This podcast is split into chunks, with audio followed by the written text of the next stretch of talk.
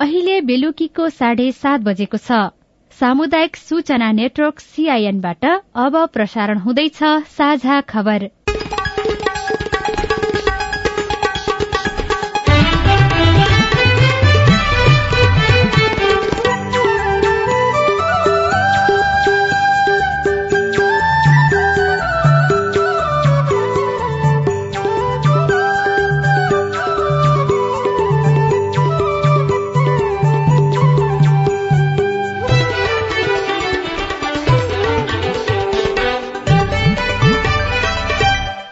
सीआईएनको साझा खबरबाट सोभिता रिसालको नमस्कार। साझा खबर देशभरिका सामुदायिक रेडियो सीआईएन खबर डट कम सीआईएनको फेसबुक पेज र मोबाइल एप सीआईएनबाट पनि सुन्न सकिन्छ।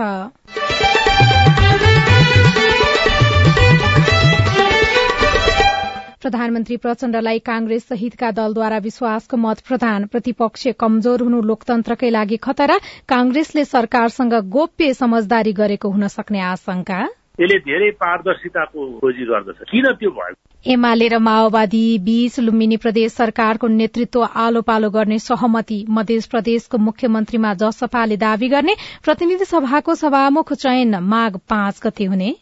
सभामुख पदको निर्वाचन कार्यक्रम सम्बन्धी सूचना मिति दुई हजार उनासी माघ तीन गते मंगलबारको दिन प्रकाशित गर्न समेत निर्देशन दिन्छु।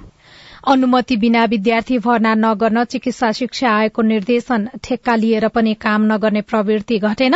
पाँच महिनामा झण्डै छब्बीस करोड़को चुइगम आयात र Biratnagar super kings Nepal T twenty cricket लीगको फाइनलमा।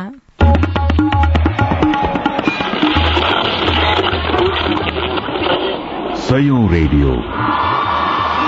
हजारौं रेडियो कर्मी र करोड़ौं नेपालीको माझमा यो हो सामुदायिक सूचना नेटवर्क सीआईएन देशमा नै युवालाई स्वरोजगार बनाउन चौध वर्ष अघि युवा व्यवसायी तथा स्वरोजगार कोष स्थापना गरिएको थियो। तर कोषको काम प्रभावकारी नहुँदा रोजगारीका लागि विदेशै जानुपर्ने अवस्थाको अन्त्य हुन सकेन। अहिले दैनिक दुई हजार युवा कामको खोजीका लागि नेपालबाट विदेश जाने गरेका छन्। यो कोष स्थापना हुँदाको समयको भन्दा दोब्बर बढ़ी हो। रोजगारी वृद्धि गरी बेरोजगारी घटाउन स्वरोजगार कोष सहित सरकारले तयार पारेका योजना र संरचनालाई प्रभावकारी र चुस्त बनाउनुपर्छ। सुशीला श्रेष्ठबाट। प्रधानमन्त्री पुष्पकमल दाहाल प्रचण्डले संसदबाट विश्वासको मत प्राप्त गर्नु भएको छ। प्रतिनिधि सभामा आज भएको निर्वाचनमा प्रधानमन्त्री प्रचण्डलाई दुई सय अडसठी जना सांसदले विश्वासको मत दिनुभएको हो। बैठकमा दुई सय सत्तरी जना सांसद उपस्थित रहेकामा दुई सय अडसठी जनाले प्रधानमन्त्री प्रचण्डलाई विश्वासको मत दिएको। बैठक सञ्चालन गरिरहेका ज्येष्ठ सदस्य पशुपति शमशेर जवराले जानकारी दिनुभयो। प्रतिनिधि सभाबाट विश्वासको मत प्राप्त गर्न राख्नु भएको प्रस्तावको पक्षमा दुई सय अठसठी मत परेको र उक्त संख्या प्रतिनिधि सभामा तत्काल कायम रहेको सम्पूर्ण सदस्य संख्याको बहुमत भएकोले सामान्य प्रधानमन्त्री श्री पुष्प कमाल दहाल प्रचण्डले प्रतिनिधि सभाबाट विश्वासको मत प्राप्त गर्नु राख्नु भएको प्रस्ताव बहुमतले प्रमाणित भएको घोषणा गर्दछु। प्रधानमन्त्रीलाई नेपाल मजदूर किसान पार्टी र राष्ट्रिय जनमोर्चाका एक एकजना सांसदले भने विश्वासको मत दिएनन्। प्रधानमन्त्री प्रचण्डले संविधानको धारा छयत्तरको उपधारा चार बमोजिम विश्वासको मत माग्नु भएको थियो। विश्वासको मत माग्ने सिलसिलामा संसदमा संसद विघटन गलत कि सही भन्दै रोचक बहस भयो। प्रधानमन्त्रीमा पुष्पकमल दाहाल प्रचण्डलाई विश्वासको मत दिनुअघि संसद विघटनको विषयमा दलका शीर्ष नेताहरूको रोचक घोचपेच सुनियो। छलफलमा भाग लिँदै कांग्रेस सभापति शेरबहादुर देउवाले प्रतिनिधि सभा विघटन गर्नु वैध थियो भन्ने एमाले अध्यक्ष ओलीको अभिव्यक्तिप्रति ध्यान आकर्षण भएको बताउनुभयो। संविधानको पूर्णकालीन संसदको व्यवस्थाको विपरीत फेरि पनि संसद विघटन गर्न सकिने कुरा जोरदार रूपमा उठाउनु भएको छ वर्तमान प्रधानमन्त्रीका लागि यो पनि परीक्षाको घडी हो लगत्तै सम्बोधन गरेका एमाले अध्यक्ष ओलीले देउवालाई मौका अनुसार व्याख्या नगर्न आग्रह गर्दै दुई हजार उनासाठी जेठ आठ गतेको संसद विघटन स्मरण गराउनुभयो अनि सरकारलाई समर्थन नगर्ने प्रतिपक्षमा बस्ने तर विश्वासको मत दिने कांग्रेसको चरित्रप्रति ओलीले आशंका मिश्रित कटाक्ष पनि गर्नुभयो यदि यो समर्थन कुनै जाल होइन भने। यो समर्थन कुनै ढोक्सा होइन भने। स्वागत योग्य छ?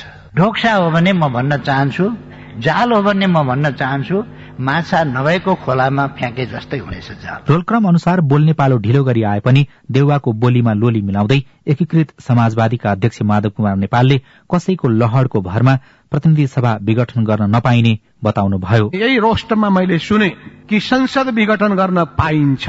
यो मान्यता यो गठबन्धन दलको हो।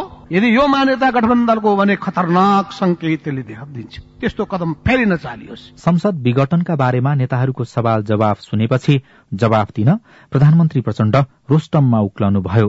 प्रतिनिधि सभा विघटन ठिक कि बेठिक भन्ने बहसतर्फ जान नचाहेको भन्दै उहाँले संविधानको कार्यान्वयन गर्नेतर्फ आफू प्रतिबद्ध रहेको बताउनुभयो। भोलि संविधान संशोधन गर्ने कुरा संविधानलाई परिमार्जन गर्ने कुरा त्यसलाई नयाँ ठाउँमा पुर्याउने कुरा हुन सक्दछ तर बहत्तरको संविधानले जे अंगीकार गरेको छ संशोधन नहुँदासम्म परिमार्जन नहुँदासम्म त्यसैको मर्म र भावना अनुसार अगाडि बढ्न हामी सबै प्रतिबद्ध छौं। रोचक के थियो भने संसद विघटनको विषयमा नेताहरूले बोलिरहँदा सम्बन्धित दलका सांसद कुन बेला ताली बजाउने भनेर झुक्किरहेका देखिन्थे।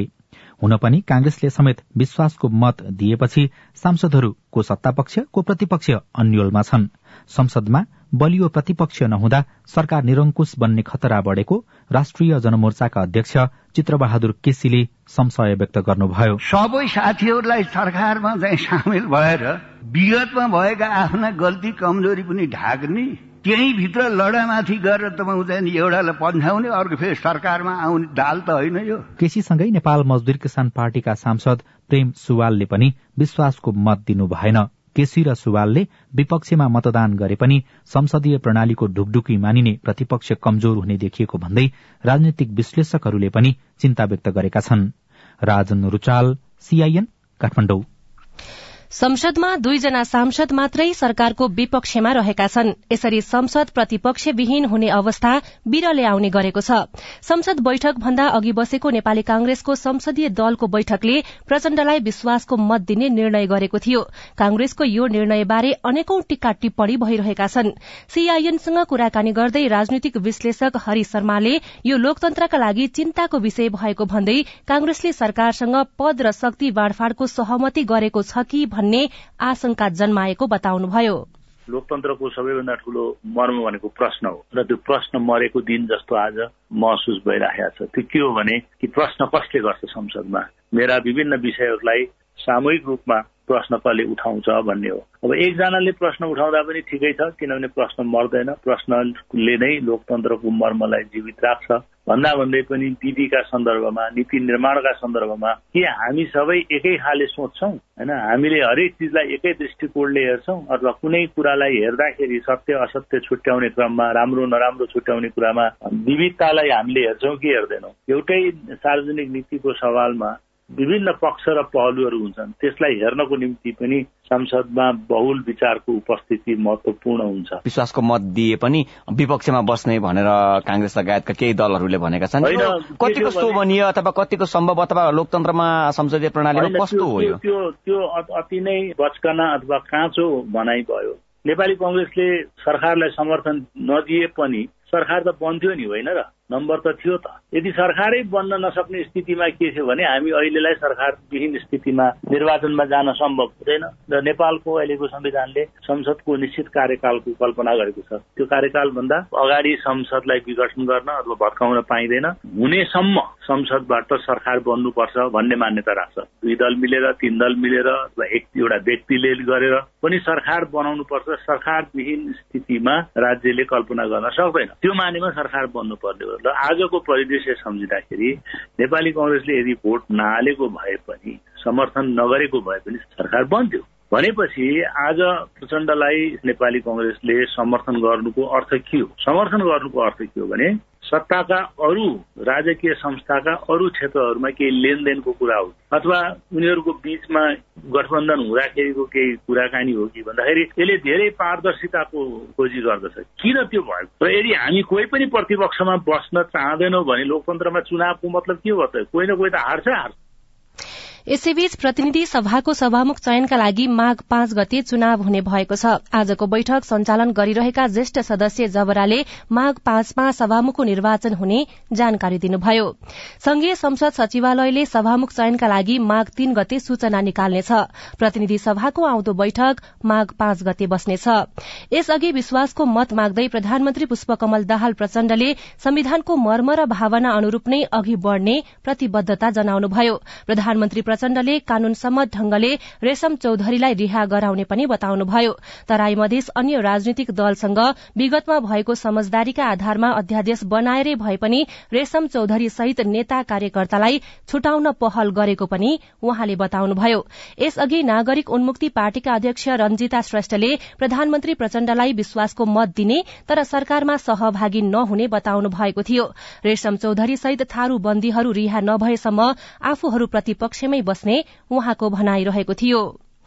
लुम्बिनी प्रदेश सरकारको नेतृत्व नेकपा एमाले र माओवादी केन्द्रले आलो पालो गर्ने समझदारी गरेका छन्। नेकपा माओवादी केन्द्रका प्रदेश अध्यक्ष सुदर्शन बरालले लुम्बिनीमा आलो पालो सरकारको नेतृत्व गर्ने समझदारी भएको बताउनु भएको हो। यस्तै मध्य प्रदेशको मुख्यमन्त्रीमा भने जनता समाजवादी पार्टीले दावी पेश गर्ने तयारी गरेको छ। मधेसमा पहिलो पालोमा जसपाले सरकारको नेतृत्व गर्ने सत्ता साझेदार दलहरूबीच सहमति रहेको छ। सोही सहमति अनुसार जसपा संसदीय दलका नेता सरोज यादवले मुख्यमन्त्रीमा दावी पेश गर्न अन्य दलसँग छलफल अघि बढ़ाउनु भएको छ। साझा खबरमा एउटा खेल खबर Biratnagar super kings Nepal T twenty cricket लीगको फाइनलमा प्रवेश गरेको छ। कृतिपुरमा आज भएको दोस्रो क्वालिफायरमा जनकपुर रोयल्सलाई उनाचालिस रनले हराउँदै विराटनगर फाइनलमा प्रवेश गरेको हो। विराटनगरले दिएको एक सय अडसठी रनको लक्ष्यमा जनकपुरले एक सय अठाइस रन मात्रै बनाउन सक्यो।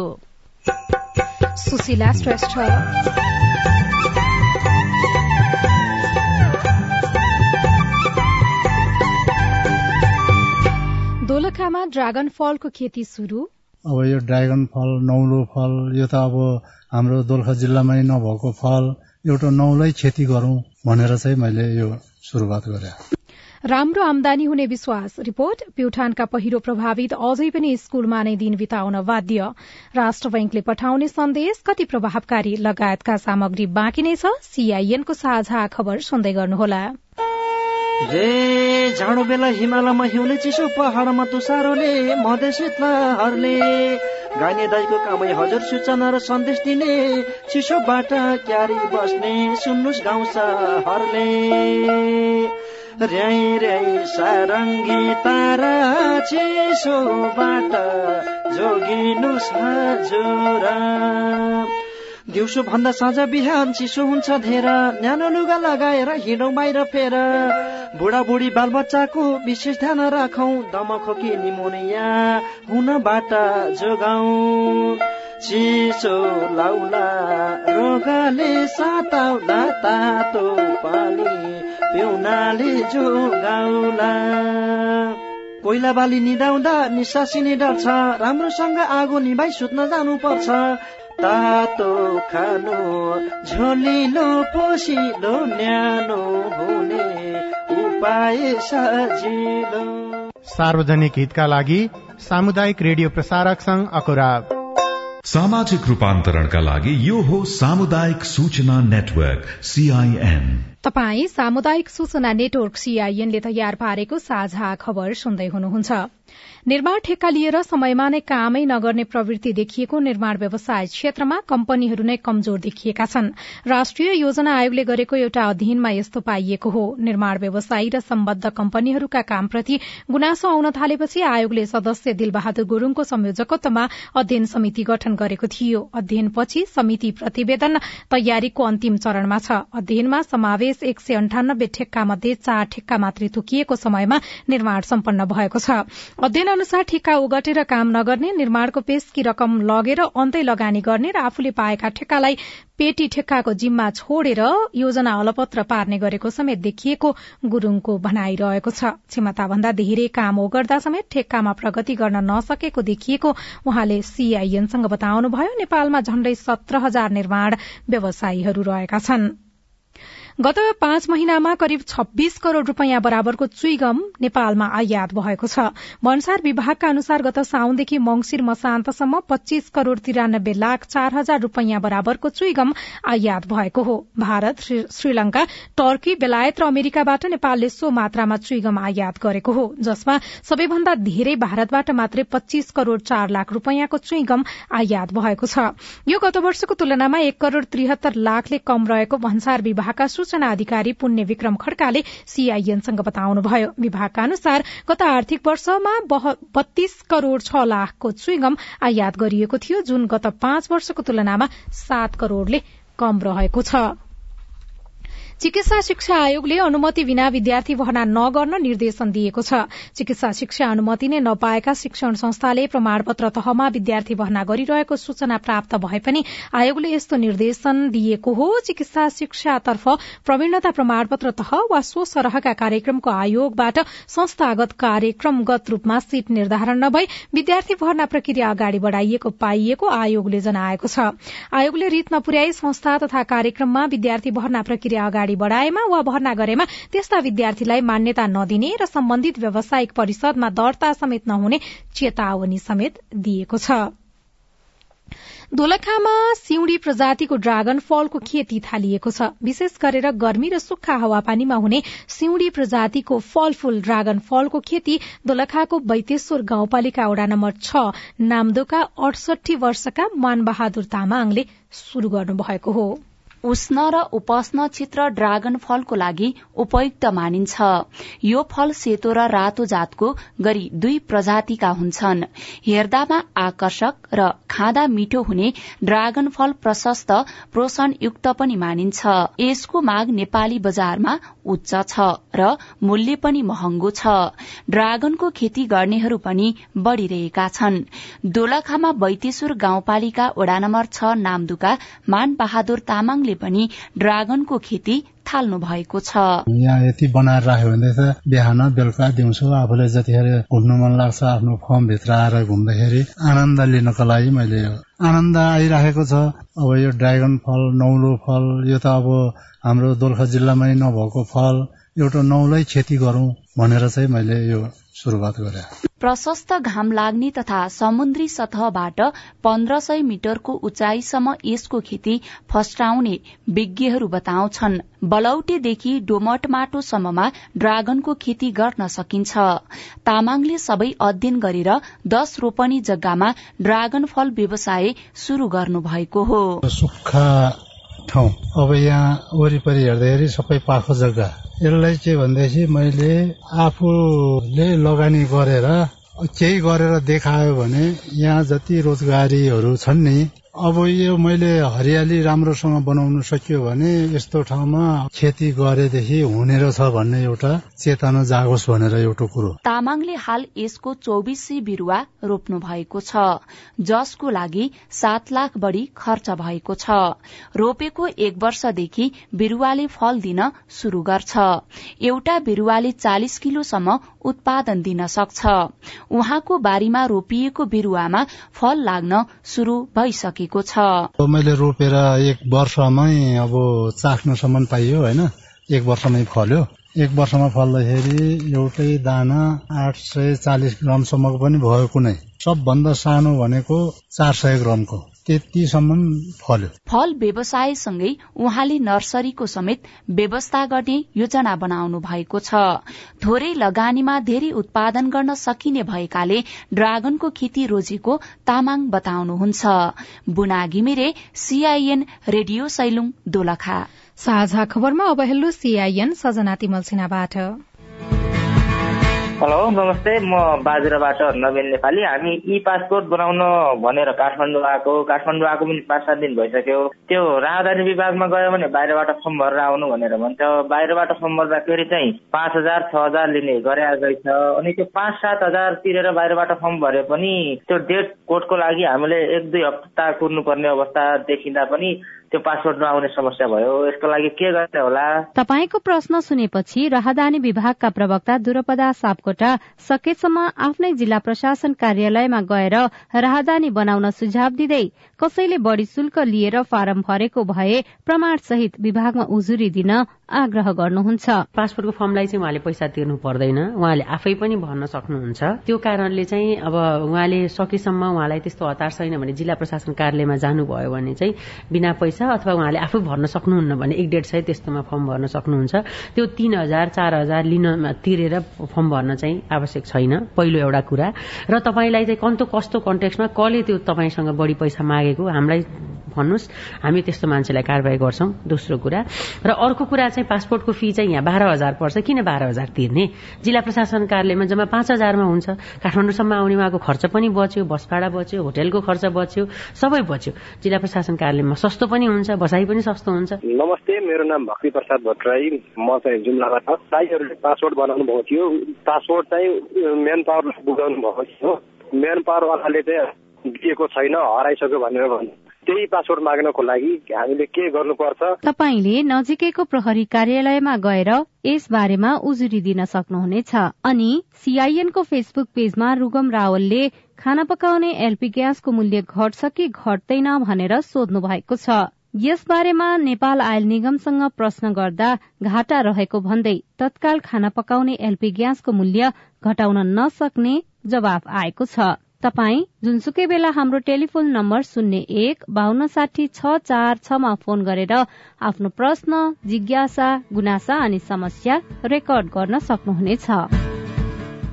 तपाई सामुदायिक सूचना नेटवर्क सीआईएनले काठमाण्डुमा तयार पारेको साझा खबर सुनिरहनु भएको छ। राष्ट्र ब्याङ्कले अंग्रेजी भाषामा पठाउने सन्देश कतिले बुझ्छन्? इङ्ग्लिसबाट आउँछ खालि। नेपालीबाट चाहिँ कहिले हामीले देखेकै छैन। अब नेपालीबाट अब हामीले चाहिँ नेपालीबाट आएको भए चाहिँ सजिलो हुन्थ्यो। मोबाइलमा पठाइने सूचना नेपाली भाषामा भइदिए सजिलो हुने नागरिकको अपेक्षा रिपोर्ट प्युठानका पहिरो प्रभावित अझै पनि स्कूलमा नै जीवन बिताउन बाध्य। लगायतका सामग्री बाँकी नै छन्। सीआईएनको साझा खबर सुन्दै गर्नुहोला। होइन के सुनेको यस्तो ध्यान दिएर दोहोरो बोलेको जस्तो नि देख्दिन। तीन दुई एक शून्य शून्य क्या? तीन दुई एक शून्य शून्य? के हो त्यो भने? बुझिन त। ल सुन एनटिसी प्रयोगकर्ताहरूले आफ्नो मोबाइल तथा ल्यान्डलाइनमा तीन दुई एक शून्य शून्य डायल गरी समाचार रेडियो कार्यक्रम खेल र अन्य विषय बारे सन्देशहरू जुनसुकै बेला निशुल्क सुन्न सक्छन्। ओहो निशुल्क? कस्तो सजिलो। समाचार सुन्न छुट्यो भनेर पिर लागेको थियो। अब त म पनि सुनिहाल्छु। कति रे? तीन दुई एक शून्य शून्य। सामाजिक रूपान्तरणका लागि यो हो सामुदायिक सूचना नेटवर्क सीआईएन तपाई सामुदायिक सूचना नेटवर्क सीआईएनले काठमाडौँमा तयार पारेको साझा खबर सुन्दै हुनुहुन्छ।